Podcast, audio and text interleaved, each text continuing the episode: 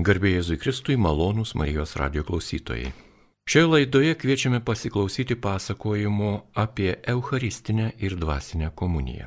Populiarėjant ir vis labiau atliekant šventųjų mišių transliacijas iš įvairių parapijų, daugeliui klausytojų aktualiai iškyla klausimas apie šventosios komunijos prieimimo svarbą.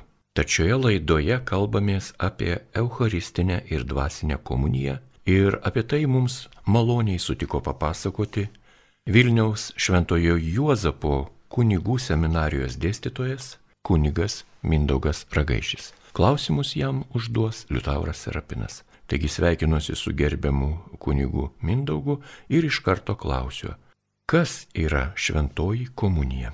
Na, pirmiausiai sveikinu visus klausytojus, kurie klausys šios laidos. Na, atsakant į šį klausimą, tai pirmiausiai reikia kažkiek tai pasakyti keletą žodžių apie Eucharistiją bendrai. Jos ištakos, kaip jau dauguma iš jūsų žinot, siekia paskutinę vakarienę, kuri vyko jau tokios augančios įtampos prieš priešos tarp Jėzaus ir tautos vadovų, išrinktosios tautos vadovų bei kunigų. Ir Jėzus paskutinės vakarienės metu jau, na, kalba apie savo kančią. Ir tai kančiai suteikia išganingą pobūdį. Jisai sako, duoda paštalam duoną, kuri yra kaip kūnas, kuri už jūs atiduodama, kraujas, kuris už jūs išliejamas. Taigi jisai save paukoja. Jis jau viešosios veiklos metu kalbėjo apie tai, kad nėra didesnės meilės kaip gyvybę už draugus atiduoti. Tai čia va būtent tas jo pasiaukojimas, ta sekančią dieną įvykusi mirtis ant kryžiaus, tai ir yra aukščiausios meilės išraiška. Taip pat, na, paskutinės vakarienės metu Jėzus sudabartina savo kančią ir mirtį. Tai sako, tai yra duona, kuri atiduodama, kraujas, kuris išliejamas, tai reiškia kalba ne apie ateitį išliejamą kraują, bet jau dabar esamų metų išliejamą kraują, kitaip sakant, jisai užbėga įvykiams už akių ir tada paukoja jau save kaip, kaip auką, atiduodamas, išliedamas savo kraują, atiduodamas savo kūną, žinoma, nekrūvinų būdu. Tuo būdu jisai save duoda kaip maistą ir gėrimą mokiniams. Taip pat tai ir įpareigoja tai kartoti jo atminimui, tą sudabartinimą, kančios ir mirties sudabartinimą, kartoti jo atminimui, kas ir vyksta kiekvienų šventų mišių metu. Ir mes čia priimame Kristų kaip, kaip maistą, kaip, kaip, kaip, kaip, kaip dvasinį maistą. Ir čia jisai mums dovanoja save patį. Nors pats, sakykime, tie pavydalai, ar tai būtų duona, ar tai būtų vynas, po konsekracijos nepakeičia savo, savo išvaizdos, skonio, kvapo ir taip toliau, bet mes tikim, kad įvyksta taip vadinama esmėkait arba transubstanciacija ir už tų atjau pavydalų mes turime Kristų. Kristų, kuris yra savo esmė, kaip sakant, tų pavydalų esmė. Taip, beje, Euharistijos sakramento ženklui priklauso ne vien tik tai patys pavydalai, kurie, kaip sakiau, konsekracijos metu yra perkeičiami į Kristaus kūną ir kraują, bet taip pat ir valgymas. Ir Kristus aiškiai juk apaštalam sako, imkite ir valgykite imkite ir gerkite. Ne, kad jūs adoruokite ar tenai kur nors įsidėję nešiokit su savim tuos pavydalus, kad jie jūs saugotų, bet sako, būtent jūs valgykite. Taigi ir pilnas dalyvavimas mišiose įvyksta tuo met, kada mes priimam komuniją. Ne tik, kad sudalyvaujam mišiose, Tai yra nepilnas dalyvavimas, bet pilnas dalyvavimas jau ir kada mes įvykdom tą Jėzaus pageidavimą, sako, imkite ir valgykite, kada mes jį priimame po eucharistiniais pavydalais. O kodėl šventoji komunija yra tokia svarbi kiekvienam tikinčiam žmogui, tiek kunigui, tiek pasauliečiui? Čia vėlgi reikalinga šiek tiek priminti, kokiu būdu žmogus gauna išganimą. Na, paprastai išganimą, išganimo žmogus į savęs neturi. Mes esam kūriniai paprasti kūriniai, Dievo sukurti ir mes neturim amžino gyvenimo pradmens savyje ir išganimo pradmens savyje. Tai ir patys to nusipelnyti, laimėti ar gauti kokiu būdu mes irgi to negalim. Mums išganimas yra dovana ir mes tą dovaną gaunam vienydamiesi su Dievu, kuris yra amžinas ir išganimo šaltinis mums. Ir tas vienimas, jis aišku, vyksta įvairiais būdais. Jau pir, pirmiausia, tai jau būna per tikėjimą. Kada mes įtikime, mes priimam Dievą į savo gyvenimą ir kitaip sakant, įeinam į asmeninį santykį su juo. Taip pat tą ryšį su Dievu mes palaikom ir melzdamiesi. Tai čia ir malda yra tas jau geriausia ir, ir, ir, ir tokia svarbiausia tikėjimo išraiškos priemonė. Taip pat, na, su Dievu bendraujam, pavyzdžiui, skaitydami šventą įraštą, mes klausomės jo žodžio. Taip pat, atitinkamai, jeigu stengiamės pagal Dievo valią gyventi, tai irgi yra toksai kaip vienimas su Dievu, mes savo gyvenimu vienėmės su juo, vykdydami tai, ko jisai iš mūsų laukia. Sakramentaigi tačiau perteikia tokį ypatingą Dievo veikimą. Neveltui jie yra vadinami Dievo artumo ženklais. Kaip sakant, tai yra tas Dievo artumas, jisai mums būna per tokį regimą ženklą perteikimas. Įprastai mes, pavyzdžiui, kada melžiamės, nu tai ten tada kreipiamės į Dievą, bet kažkokio tai regimo ženklo mes dažniausiai neturim. Sakramentai turi regimą ženklą, jie yra pojūčiais patiriami. Ir taip pat, kas yra dar svarbu, kalbant apie sakramentus, jie suteikia ir mums tikrumą. Mes galim, pavyzdžiui, privačiai maldoj prašyti, kad Dievas atleistų nuodėmės. Gali būti, kad Dievas tas nuodėmės ir atleidžia, kai mes melžiamės. Ir ko gero taip ir yra. Bet, kada mes priimam atgailos sakramentą, mes jau turim tikrumą. Būtent jau tau gavus išrišimą kunigas ir pasako, tavo nuodėmės atleistos, eik ramybė. Jau, kaip sakant, tas yra įvykę ir yra labai, kaip sakant, konkretus to patvirtinimas. Mes aiškiai sakramento atveju žinom, kad tas jau yra įvykęs. Na ir Euharistija čia šitoje vietoje sakramentų tarpe užima tokią išskirtinę vietą. Šventasis Tomas Akvinėtis ją vadina švenčiausiojo sakramentu. Jisai sako, ir kituose sakramentuose veikia Kristus. Ir kiti sakramentai būtent Kristaus veikimo dėka gauna savo galę ir perteikia išganingą malonę. Tačiau tik Euharistijoje Kristus save dovanoja. Kaip sakant, tokiu būdu įgyjama pati tampriausia, įmanomai tampriausia vienybė su juo kas yra, kaip sakiau, labai esminga mūsų išganimo gavimui. Ir čia vad būtent jis duoda save kaip maistą. Tai reiškia, mes kaip kasdienybėje priima maistą, tai jis duoda mums save kaip maistą, kad mes galėtume jį pasisavinti, kad jis tokiu būdu galėtų įeiti į mūsų gyvenimą. Ir neatsitiktinai dėl to bažnyčia šiaip skatina, kaip galima dažniau priiminėti komuniją. Tai yra mums gyvybiškai svarbus dalykas. Tai yra tikrai ne dėl to, kad bažnyčia nori uždėti kažkokią tai naštą žmonėm ar kažkas panašaus, bet tai daro dėl mūsų būtent dvasinio labo. Ir tas, sakykime, jau nustatomas netgi minimumas, kiek kiekvienas vat, save laikantys krikščionių, katalikų asmuo jau mi minimaliai privalo priimti komuniją vieną kartą metuose ir yra nustatytas tas laikas apie Velykas. Taigi tikrai va komunija yra, na, esmingai svarbi tikinčiam ir bažnyčia tą nuolat ir nuolat pabrėžia. Gerbiamas kunigė Mindaugai, jau minėjote truputį apie išpažinties svarbą prieš švenčiausios komunijos prieimimą. Ką reikėtų dar žinoti, norint tinkamai pasiruošti šventosios komunijos prieimimui? Čiagi norėčiau pasiremti tokiu pavyzdžių iš kasdienio gyvenimo. Paprastai, jeigu mes kažką tai kviečiamės į svečius, na, nuo ko pradedam? Taip, susitvarkom namus. Tikrai būtų nepagarba svečiui, jeigu mes, pavyzdžiui, pakviestume į namus, kur viskas suversta, ten visas būtas, ten daiktai išmėtyti, kampuose tenai prisikaupę dulkių, ten ant lubų, ten vatyso voratinklė ir taip toliau. Nu, tai atėjęs svečias sakytų, nu, kuo jis mane laiko, jeigu į tokį būtą mane kviečia. Tai, tai čia tas pats yra ir su Jėzumi Kristumi. Tai irgi pats svečias, pats toksai jau svarbiausias svečias, kokį mes galim pakviesti, reikšmingiausias mūsų gyvenime svečias. Ir atitinkamai ruošiantis, na jau čia va kaip ir klausintis Litauras minėjo, kad išpažinties atlikimas. Na tai čia va būtent mūsų dvasiniam gyvenime labiausiai sumaišti neša ir tas visos dulkės ir visas purvas tai yra nekas kita kaip nuodėmė, kuri, na, greuna mūsų gyvenimą ir greuna, aišku, mūsų santykiai su Dievu. Ir čia norint, kad Kristų kviestis į svečius, tai reikia pirmiausiai, na jau žiūrėti, ar nėra sunkių nuodėmė. Jeigu yra sunkios nuodėmės, atlikti išpažinti. Nes su sunkiom nuodėmėm priimti Kristų būtų nepagarba jam. Taip pat, jeigu yra lengvos nuodėmės, na tai čia jau kelias šiek tiek paprastesnis, šventų mišių pradžioje paprastai kalbamas gailėšio aktas, tai tas nuodėmės tada reikalinga apgailėti ir gauname tų nuodėmių atleidimą.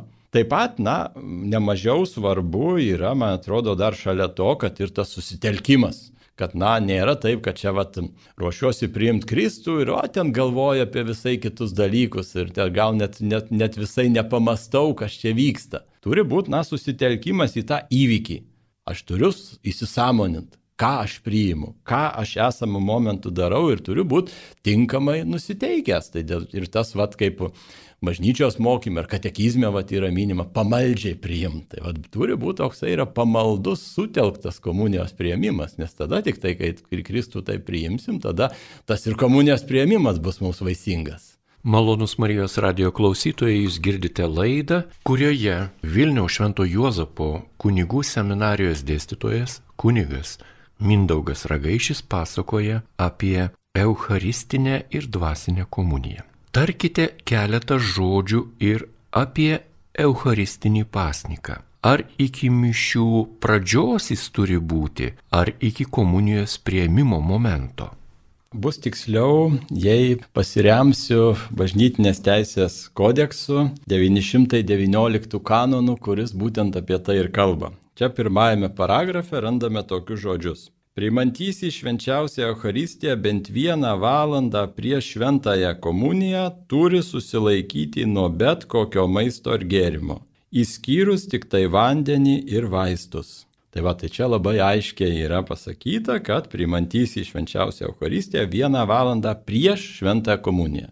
Ne prieš mišių pradžią, bet būtent prieš patį komunijos prieimimo aktą yra būtent reikia valandą laiko. Aišku, ne visada lengva tai apskaičiuoti, nes nežinai, kiek užtruks, pavyzdžiui, pamokslas ar kokią ten eucharistinę maldą kunigas jums, gali būti ilgesnė, trumpesnė, tai čia va tada taip jau, nu, bet paprastai taip jau maždaug primetama, kad čia va kiek, kiek užtruksiu, kol va ateisiu į bažnyčią ir paskui gal tenai kiek va pačis, pati mišių eiga būna, ypač sekmadienį, nu tai jau čia per kokį pusvalandį mažiausiai užima pusvalandį, tai galima taip nesunkiai apskaičiuoti. Ir taip pat čia vat, yra paminėta ir tai tokia kaip išlyga, kad išskyrus tuos, išskyrus tik tai vandenį ir vaistus. Jeigu kam reikia vartoti kokius vaistus, ten nuo širdies ar nuo kokių kitų lygų, tai čia gali be jokių sąžinės priekaištų tą daryti. Taip pat ir norint atsigert, galima gerti vandens, tai čia irgi tas nesikertas su eucharistiniu pasniku. Taip pat, na, čia antras šio kanono paragrafas kalba apie kunigą ir jeigu kunigas ten kelias mišes aukoja vienas paskui kitas, tai tada paprastai po, po antrų, po pirmų mišių jau tada gali jau prieš antras mišes, taip jau nepaisydamas to eucharistinio pasniko kažkiek užvalgyti, jeigu aišku yra reikia. Panašiai ir po antrų mišių, tai prieš trečias mišes, bet prieš pirmą šventasis mišes paprastai turi irgi laikytis eucharistinio pasniko. Taip pat šio kanono trečias paragrafas skamba taip. Senyvi žmonės, ligoniai ir jais besirūpinantys asmenys gali priimti švenčiausią Eucharistiją net jei likus mažiau kaip valandai būtų ko nors valgę. Taigi išimtis daroma būtent ligonėm. Jeigu ten, vat, pavyzdžiui, pakvietė kunigą į ligoninę ir ten, sakykime, prieš jam ateinant davė pietus. Tai nieko tokio gali priimti komuniją. Taip pat, vat, irgi atkreipkite dėmesį, yra ir paminėta ir besirūpinantys ligoniais. Jeigu ten, vat, namuose ar kažkur tai rūpinasi ligoniais, tai irgi yra jam daroma ta išimtis. Tai va, tai čia tokiu atveju tas, tasai, kaip sakant, yra įpareigoja visus, bet yra daromos tam tikros išlygos ir čia, va, ir tas, sakykime, tas eucharistinės, eucharistinio pasnikas, jisai yra įvestas iš pagarbo švenčiausiam vėlgi sakramentui, kad žmogus ir fiziškai pasiruoštų, bet taip pat, kad per tą laiką ir tinkamai nusiteiktų kaip sakant, ir per tą, vat, per tą va, savo kūniškus tuos pojūčius irgi ruoštųsi tam, ką jisai, vat, su kuo jisai susitiks priimdamas komuniją. Gyvenimas eina savo vaga, gerbiamas kunigė Mindaugai. O sakykite, ar kramtomos gumos kramtimas per tą valandėlę nepažeidžia Eucharistinio pasniko, o sakykime, cigaretės surūkimas prieš mišę šventas, arba, na, dabar ir tos yra elektroninės cigaretės, vis tiek kvaišalai, kaip su šituo? Nu, va, geras klausimas ir įdomus klausimas. Na, čia vėlgi, sakykime, vėl, nu, Eucharistinis pasnikas apima, na, maisto produktų. Nu, atrodytų kramtoma guma, čia, kad likta jos ir nenuryji, bet visgi kaip ten bebūtų, kažkiek maistinių medžiagų joje yra.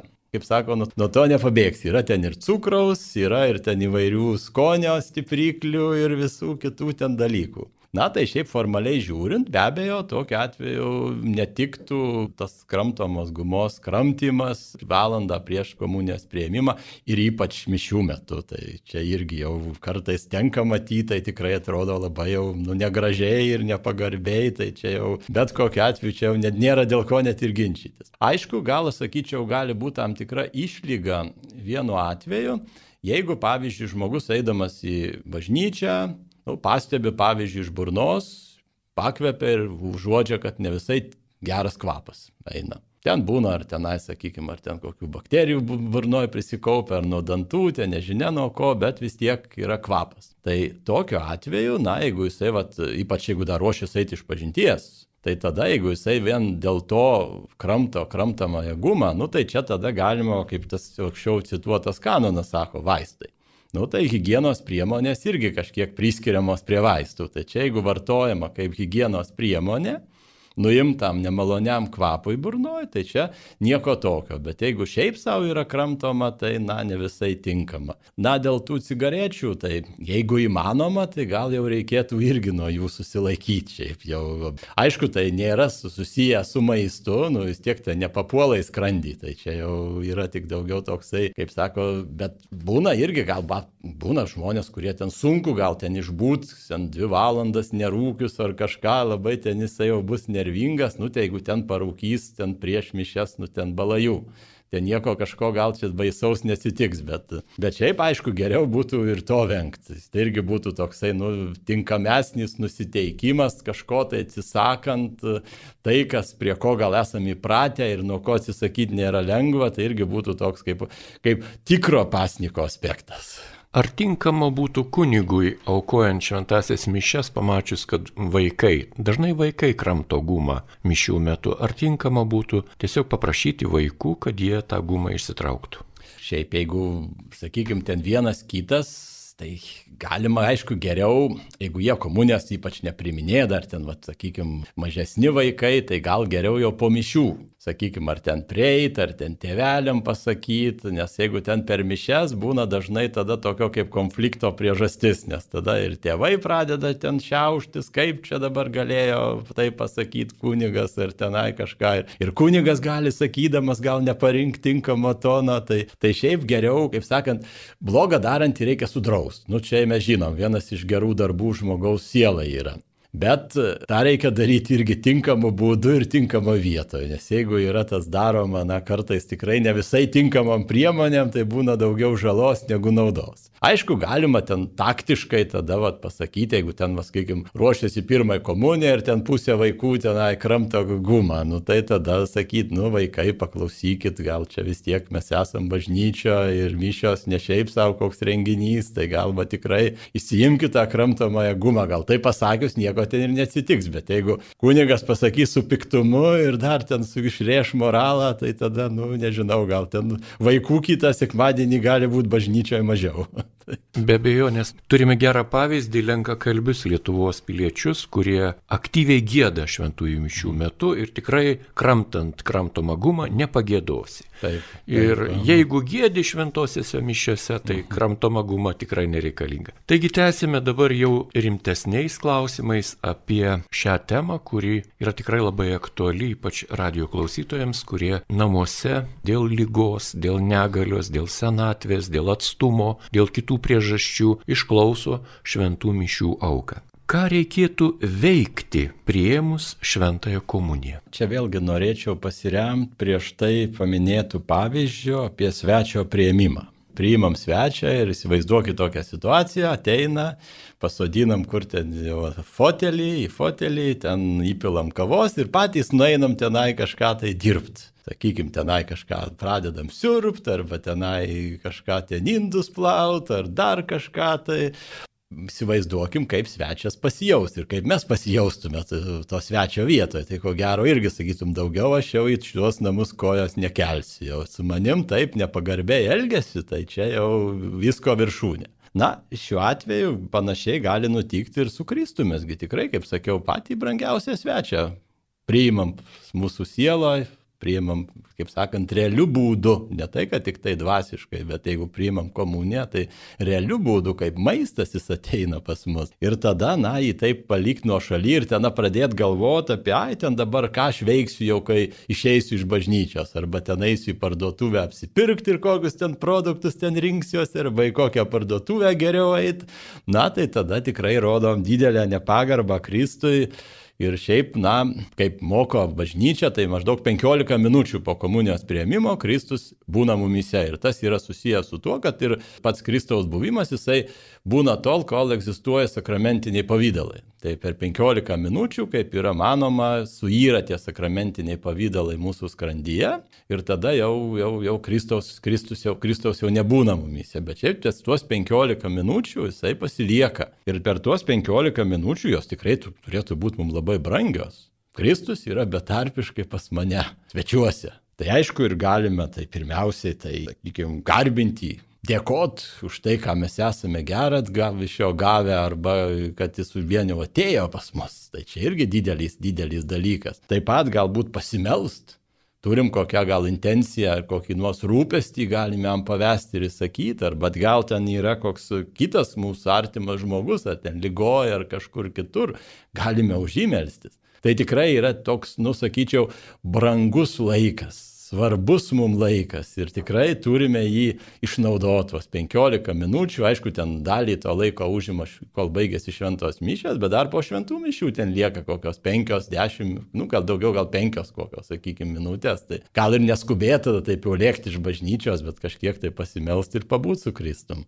Anksčiau mūsų tėvų karto žmonės buvo mokomi prieimus šventąją komuniją ranką pridėti prie krūtinės ir nesidairant niekur kitur, pamaldžiai grįžti į savo vietą bažnyčioje. Kaip yra dabar? Tokio jau griežto nustatymo nėra, bet čia gal reikėtų atsižvelgti vieną tokį aspektą, kad, na, žmogus yra psichofizinė būtybė. Tai reiškia, yra, turi sielą ir kūną. Ir abi šios dalys, jos yra susiję viena su kita ir viena kitą įtakoja. Ir dėl to mūsų tą vidinę nuostatą, apie kurią aš prieš tai kalbėjau, turi išreikšti ir mūsų kūnas. Jeigu mes savo viduje esam susitelkę, susikoncentravę į tą įvykį, nu tai savaime suprantama nesiderint su tuo, kad mes pradėsim dairytis, kaip liaudžiai sako, varna šaudyti. Arba tenai pradėsim žiūrėti, kas dabar ir kaip priima komuniją, arba skaičiuosim, kiek čia žmonių dabar eina, ar kiek dar liko, kurie tenai nepriėmė. Tai, tai čia tokiu atveju užsiemam visai kitais dalykais, negu reikėtų tuo metu užsiimti. Ir tas, sakykime, ir kūno tas visas mūsų laikysenai padeda kažkiek tai ir mūsų dvasiai susitelkti. Ir jeigu mes ten kūnų kažką blaškom, kažką pradedam daryti, nu, tai atitinkamai ir tada ir dvasiai mums sunkiau koncentruoti savo dėmesį. Tai todėl, sakykime, visgi turėtume surasti tokį pagarbų būdą, gal kaip ten tas rankas laikyti, nebūtinai ten sukryžiavus ant krūtinės ar kažką kitą, gal ten tiesiog gražiai tiesus jas, jas ar, ar sudėjus, ar tenai kaip nors sukabinus kartu, ar bet kokiu atveju ne į kišenę įsidėjus ranką ar dar kažką, tai kas tikrai rodytų nepagarbą. Taigi, jeigu nėra tokio vat, nustatymo, kad čia reikia taip ar taip būtinai daryti, tai čia mes kiekvienas turim galbūt suras savo tokį būdą, kaip mes tą pagarbą Kristui, kurį mes priemėm, išreiškiam. Savitų būdų, mums savitų būdų. Jeigu žmogus labai uolus ir jam pasitaiko galimybė dalyvauti šventosiuose mišiuose kelis kartus per dieną, ar gali jis švenčiausiai sakramentą priimti kelis kartus? Kiek daugiausia kartų galima per mhm. parą priimti švenčiausiai sakramentą? Jo, iš tiesų yra leista priimti švenčiausią sakramentą daugiau nei vieną kartą. Nu, sakyčiau, vienas kartas plus dar vienas kartas. Nu, jau čia gal kitos jau čia būtų jau retesnis atvejis, jeigu dar daugiau. Paprastai galima dar vieną kartą šalia, šalia to jau, kaip sako, pagrindinio karto. Ir tas, aišku, susijęs su tuo, kad reikia turėti dar ir tokią intenciją. Su kokia intencija tas, tas švenčiausias sakramentas, tas jau papildoma kartą priimamas švenčiausias sakramentas. Ir tas apribojimas beje yra įvestas ne šiaip savo, nes ne, ne dėl to, kad čia norint žmonės kaip nors atribot nuo komunijos, atitraukti juos ar dar kažkas tai, bet čia yra tiesiog priemonė, kuri, na, padeda apsaugot, kad komunijos prieimimas netaptų toks subanalintas. Žmogus gali labai lengvai apsiprast. Taps tokiu kaip kasdieniu ritualu, tada kaip, nu, tai priimi ir kartais kai kurie net galvoja, kuo daugiau priimiau švenčiausio sakramento, tuo aš tas sušvenčiasnis. Tai iš tiesų čia su tie dalykai nėra susiję.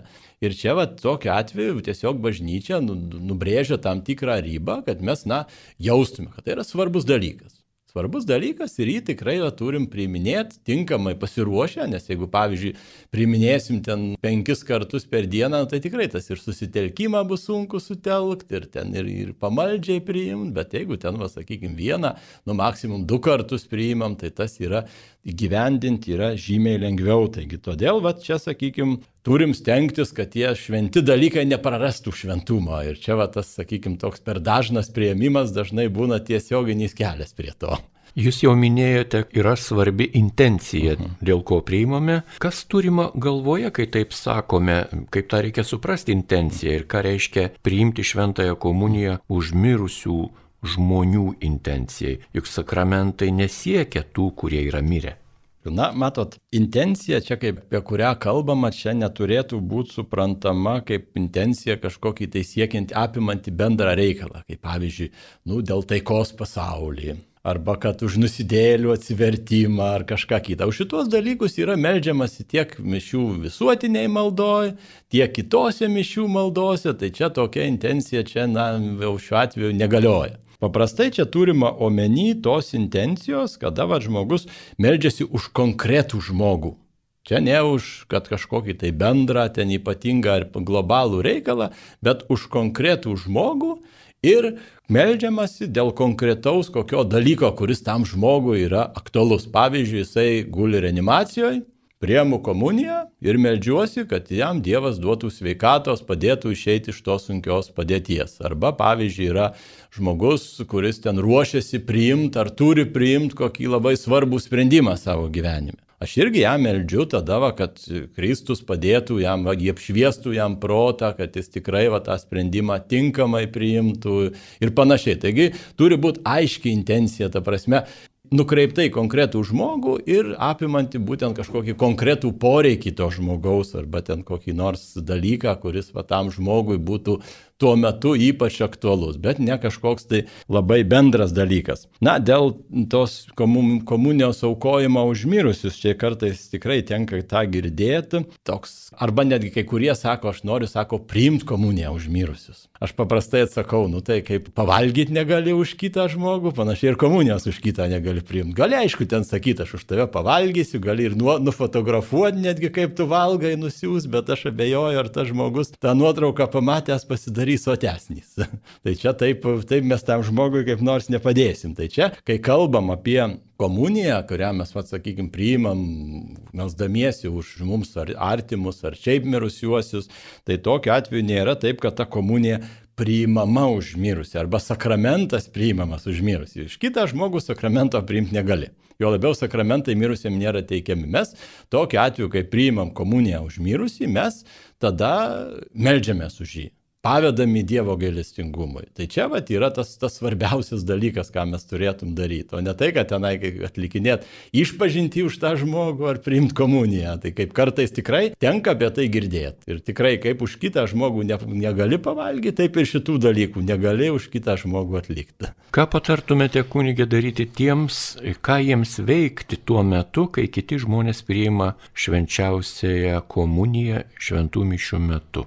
Jeigu žmogus, na, negali tokiu kaip fiziniu būdu arba sakramentiniu, sakyčiau, būdu priimti komunijos, na, komunija, mes žinome, yra vienimas. Vienimas į su Kristumi. Tampriausias vienimas į su Kristumi. Gyvybės ir, iš, ir išganimo, šventumo šaltiniu. Jeigu mes ne to negalim padaryti sakramentiniu būdu, tai galim daryti dvasiniu būdu. Tai tokiu atveju, tuo metu, kai kiti priminėja komuniją, įsakyti troškimą, kad būt Kristum vienas su Kristum, vienyti su juo maldoj. Taip pat galbūt mintimis kalbėtis, irgi sakyti savo prašymus, maldavimus, gal ir padėką, atsiprašymus ar panašiai. Taip pat, jeigu ten nekyla kokių savų minčių ir dažnai būna, kad, va, pavyzdžiui, atrodo melsies, bet iš galvos tos mintys nekyla ir širdies nekyla. Tai tada geriausia yra pasiremti tom priemonėm, kurias bažnyčia yra paruošus tokiem atvejam. Tai yra maldaknygė visa eilė maldų, priemus komuniją, ar ten komunijos metu, ar ruošiantis komuniją, ar šiaip kokiais, kokiais įvairiais ten, sakykime, vairiom progom. Tai tas galim pasiremti to maldom. Neturi maldaknygės, nu tai gal mokam šiaip kokių maldų, ar garbinkime švenčiausiai sakramentą, galim sukalbėti, garbė Dievui ten maldą, ar kokią kitą maldą, kad svarbu, kad stengtis bendrauti bendrauti su Kristumi ir jeigu, jeigu negali betarpiškai jo priimti, tai bent jau tarpišku tokiu būdu per maldą tada vienijasi su juo. Dabar yra paplitę daug šventosios komunijos prieimimų būdų. Kunigas ostiją įdeda į burną arba į ištiestas rankas, kartais ostiją pamirko taurėje, kai kurie žmonės švenčiausiai sakramentą priima stovėdami, kai kurie tik klupomis, klupėdami. Ką galite apie tai papasakoti? Šiaip būdą, kaip yra priimama komunija, vienam ar kitam krašte priima to krašto viskupų konferencija.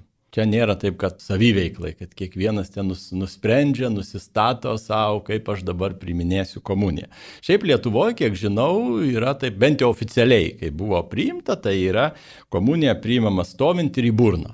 Tik čia noriu kreipdėmėsi, kad, na dabar, kadangi yra pandemija, pandemijos situacija ir plinta virusas ir dėl to šiaip yra priimtas sprendimas, kad leidžiama netgi primiktinai rekomenduojama priimti komuniją į rankas. Kad ne į burną, nu čia yra kažkiek, aišku, tam tikras pavojus, kad dalinant į burną gali ten prisiliesti kunigo pirštai prie lūpų ir tada ten kitam duodant vėl prisilies prie lūpų, na tai čia, sakykime, gal nėra labai hygieniška, tai vien būtent dėl šito motyvo yra, yra šiaip, sakyčiau, primiktinai rekomenduojama komuniją priminėti į rankas. Tai čia ir netgi prieš tai jas įsidezinfikuoti ir kunigas, jeigu atkreipia dėmesį, irgi prieš eidamas dalinti komuniją, visada užsideda kaukę ir įsidezinfikuoja rankas.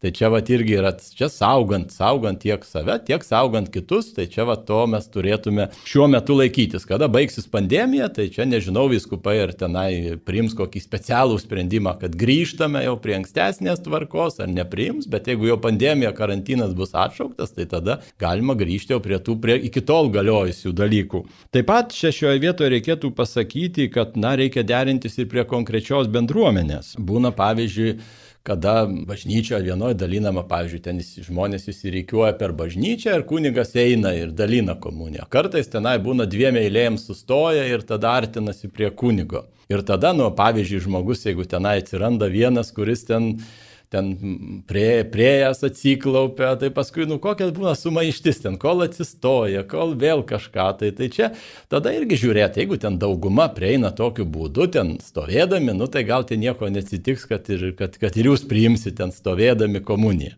Jo labiau reikėtų vengti tokio kaip savo išskirtinio pamaldumo demonstravimo, kad štai taip demonstratyviai tada atsiklaupia, kad čia va taip va parodyti yra. Na, iš tiesų, nu, čia ne ta vieta. Ne ta vieta, manau, mes nie vienas nesame vertas iš savęs priimti Kristaus. Ar mes klūpėtum, gal net ir gulėtum, mes tikrai nebūtum verti jo priimti. Tai čia svarbiausia, kad būtų, na, tokia tinkama laikysena. Sakiau, kad žmogus psichofizinė būtybė, tai ir jo išorinė laikysena turi liūdyti jo vidinį nusistatymą. Ir jeigu tas yra toks, jam, sakykime, jeigu pagarbiai žmogus stovi ir priima, kad ir, nu, kad ir į rankas tą komuniją. Jeigu jis tą daro pagarbiai ir tinkamai nusiteikęs, nemanau, kad čia yra kažkas tai blogiau, negu kad atsiklaupus priimti burną. Nes gali būti, kad ir atsiklaupęs, jeigu tu ten galvosi ir smerksi šalia esantį žmogų, kuris, o, bedievis jisai komuniją į rankas įma. Nu, nemanau, ar ten ta komunija bus jau labai šventa tokiu atveju. Nors paprastai reikia pasakyti, kad kunigai, kai dalinama komunija, kiek pastebėjau, labai ten didelių tragedijų nedaro, jau kas atsiklaupia ir dabartiniu metu, jeigu ten kas į burną nori komunijos, jinai duodama. Nėra taip, kad čia kažkokios tragedijos didelės daromos, bet tokios reikėtų visgi laikytis tų bendrų rekomendacijų, kurios yra pateiktos ir tada bus tiesiog mažiau sumaišties bendruomenėse. Kuo dvasinė komunija skiriasi nuo fizinės eucharistinės komunijos. Čia vėlgi galime pasiremti konkrečių pavyzdžių iš kasdienio gyvenimo. Mes žinom, ypač vat, pandemijos metu daug teko susidurti su tokiu nuotoliniu bendravimu, nuotoliniu mokymusi, visais ten nuotoliniais dalykais. Ir yra tikrai tų daug e, tokių šiuolaikinės komunikavimo, šiuolaikinių komunikavimo priemonių, kurios padidina nuotoliniu būdu, ten susiskambint galima, ten Skype'u, Zoom'u ir taip toliau, netgi pamokos ir paskaitos pravedamos per Zoom'ą ir taip toliau. Bet turbūt kiekvienas, kas yra tą patyręs, patvirtins, kad, na, to betarpiško bendravimo, tai niekada tas nuotolinis bendravimas net stoja. Kaip ten bebūtų, susitikti su žmogum asmeniškai yra žymiai artimiau, žymiai maloniau ir žymiai, kaip sako, labiau tada ir atsiveri ir pasikalbi, kaip ir tos paskaitos. Kiek pat yra tekę nuotoliniu būdu, jos tikrai nu, nu, ne, nepalyginsi su tom, kurios yra taip vadinamos kontaktinės. Tai čia kaip ten bebūtų, tasai betarpiškas bendravimas nuo, nuo, nuo, nuo bendravimo labai skiriasi. Aišku, tas pateiktas pavyzdys šitoje vietoje nėra visai tikslus. Mes čia kalbam apie dvasinį dalyką, čia remiamės tokiais kasdieniais dalykais, tai čia gal taip vienas prie vieno čia nelabai gali tą pridėti, bet esminį dalyką, manau, tas kažkiek tai atskleidžia. Nes fizinio, pa, pavyzdžiui, kada mes komuniją priimam to sakramentiniu būdu, tai reiškia, na, jau priimam kaip, kaip fiziniu būdu komuniją. Tai tokiu atveju mes kaip per sakramentą bendraujam su Kristum. Tai yra toks, nu mes jau turim aišku tikrumą, kad jis ateina pas mus, jaučiam betarpiškumą, tai yra tikrai žymiai daugiau. Na, o tas jau dvasinės komunijos atvejais, tai jau čia vienyje mus ne sakramentas, bet troškimas ir malda. Tai jau yra žymiai mažiau žymiai mažiau ir čia tokiu atveju aš nesakau, kad ta dvasinė komunija kažkas tai yra negero, blogo ar kažkas tai, bet visgi tos tikros komunijos pilnai atstoti negali. Jo labiau irgi čia, va, irgi pradžioj minėjau apie tą sakramentinį ženklą, kad yra valgymas irgi įeina. Ne tik tai, kad eucharistinių pavydalų konsekravimas, bet ir valgymas kada mes dalyvaujam, sakykime, nuotoliniu būdu, to valgymo aspekto, komunijos, realaus prieimimo aspekto nelieka ir mes pilnai mišiuose dalyvauti. Tokiu atveju negalim. Kunigė Mindaugai jau atsakėte į klausimą, kodėl mums turėtų neužtekti dvasinės komunijos. Kiti mano, jog Dievas veikia, kai išklausoma yra šventų mišių per įvairias technologijas, tokiu būdu kam tuomet dar eiti ir į bažnyčią. O kaip dvasiniai komunijai reikėtų pasiruošti? Na, gal dar čia kalbant apie tą vat, mišių išklausimą nuotoliniu būdu, tai čia šiaip vėlgi dar reikėtų paminėti vieną aspektą apie tai, kad sakramentai nėra teikiami per nuotolį. Kad įvyktų sakramentas reikalingas betarpiškas kontaktas, sąlytis tarp teikėjo ir priemėjo. Negali atlikti per Zoomą iš pažinties, negali ten, sakykime, per Skype teikti ligonių patepimo ar tenai kokių kitų sakramentų. Tas yra tiesiog negalima, neįmanoma. Ir ten vis tiek tas, sakykime, dalyvavimas tos nuotoliniu būdu šventosiuose mišiuose, jisai pilnai net stos to vat, pilno dalyvavimo mišiuose. Bet taip pat noriu pabrėžti vieną aspektą, kad, na, Dievas veikia įvairiais būdais. Dievo veikimo mes irgi negalėtume apribot, kad sakyt, nu jeigu ten tuo būdu jisai neveikia, tai dabar likčiai jo nėra. Dievas randa būdų, kaip vat, prieiti prie žmogaus ir ypač jeigu ten, pavyzdžiui, ligonis. Jis negali išeiti iš namų.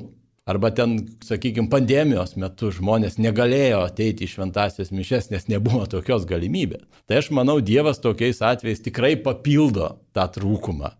Papildo ir tikrai tas toksai dalyvavimas mišiuose jis būna vaisingas, naudingas, nors ir pilnai neatstoja to dalyvavimo, to betarpiško dalyvavimo šventosiuose mišiuose. Na, o dėl ruošimosi dvasiniai komunijai, tai čia yra labai panašiai kaip ir tos vat, ruošimosi tai sakramentiniai komunijai. Na, tai pirmiausiai, tai vėlgi reikia sutvarkyti savo vidinį, kaip sako, dvasios, dvasios pasaulį. Tai čia irgi nuodėmės, tai žiūrėti, jeigu ten yra kokia, kokių nuodėmių, tai stengtis jas apgailėtis. Jeigu klausom ten transliacijos, pavyzdžiui, iš pažintiesgi neteisim, tai tada bent jau sužadint gailestį kad Dievas mums atleistų nuodėmės, kad mes tikrai galėtume kviestis Kristų vertai kad tikrai Kristus, na, rastų paruoštus namus, tinkamai paruoštus namus. Taip pat reikalingas ir susitelkimas ir, ir ypatingų būdų čia tokiu atveju svarbu yra žadint tą vienymosi su Kristumi troškimą. Tai irgi čia, kad, kad, kad Kristus ateitų, reikia jo prašyti. reikia jo ilgėtis. Jeigu nesilgėsi, tas neįvyks. Tai, va, tai čia, sakyčiau, būtų toks, toks pagrindinis pasiruošimas. Jeigu žmogus turi sunkių nuodėmių, ar jis gali priimti dvasinę komuniją? Čia yra panašiai kaip ir su malda. Jeigu žmogus yra sunkioji nuodėmė, jisai gali melstis. Nors kaip kitaip jis ir išprašys nuodėmių atleidimą. Tai čia vat ir dvasinė komunija irgi yra kaip tam tikra maldos, sakyčiau, ypatinga tokia maldos rūšis ir tokia atveju, sakykime, galima irgi, kad ir esant sunkioji nuodėmė, dažniausiai tas ir daroma. Pavyzdžiui, žmogus negali dėl to, kad, pavyzdžiui, nepriemęs sakramentinės santokos, negali eiti iš pažinties, tai jis tada vat, ir tą priima dvasinę komuniją, nors ir turėdamas sunkių nuodėmių, bet, bet, bet tai ta malda padeda ir išprašyti iš Kristaus nuodėmio atleidimo. Gal jis tokiu būdu negali gauti, gal tas nuodėmio atleidimas gauna kitokiu būdu. Kada ir kiek kartų per dieną galime priimti dvasinę komuniją? Na, čia jau nėra pribota, kad nėra nustatyta, kiek kartų galima faktiškai tiek, kiek kartų dalyvauji šventosiuose mišiuose, ar tiesiogiai, ar per transliaciją, tiek kartų gali priimti dvasinę komuniją. Ir laidos pabaigai paskutinis klausimas. Kokie yra dvasinės komunijos vaisiai? Kalbant trumpai, aš čia gal įvardinčiau tokius pagrindinius dalykus. Tai pirmiausia, tai dvasinė komunija ugdo tikėjimo ryšį su Kristum. Tai irgi mes tokiu atveju priemė dvasinę komuniją, bendraujam su Kristum, artėjam prie jo, tai irgi tas va tikėjimo ugdymo aspektas. Taip pat, na, kai mes artėjam prie Kristaus, tai žadina mums ir viltį. Mes suvokiam, kad nesam jo apleisti, kad jis yra šalia mūsų, kad jis mumis rūpinasi. Tai irgi duoda atramą mūsų gyvenimui. Taip pat irgi puoselėja meilę Dievui. Mes patiriam iš Kristaus meilę, kad jis ateina pas mus, prisiliečia prie mūsų, na tai tokiu atveju meilė iššaukia meilę ir tada žmogaus sielo irgi gimsta meilė ir jisai tai kitaip vat, pradeda žiūrėti į Dievą ir kitaip vat, krikščionišką gyvenimą pradeda gyventi.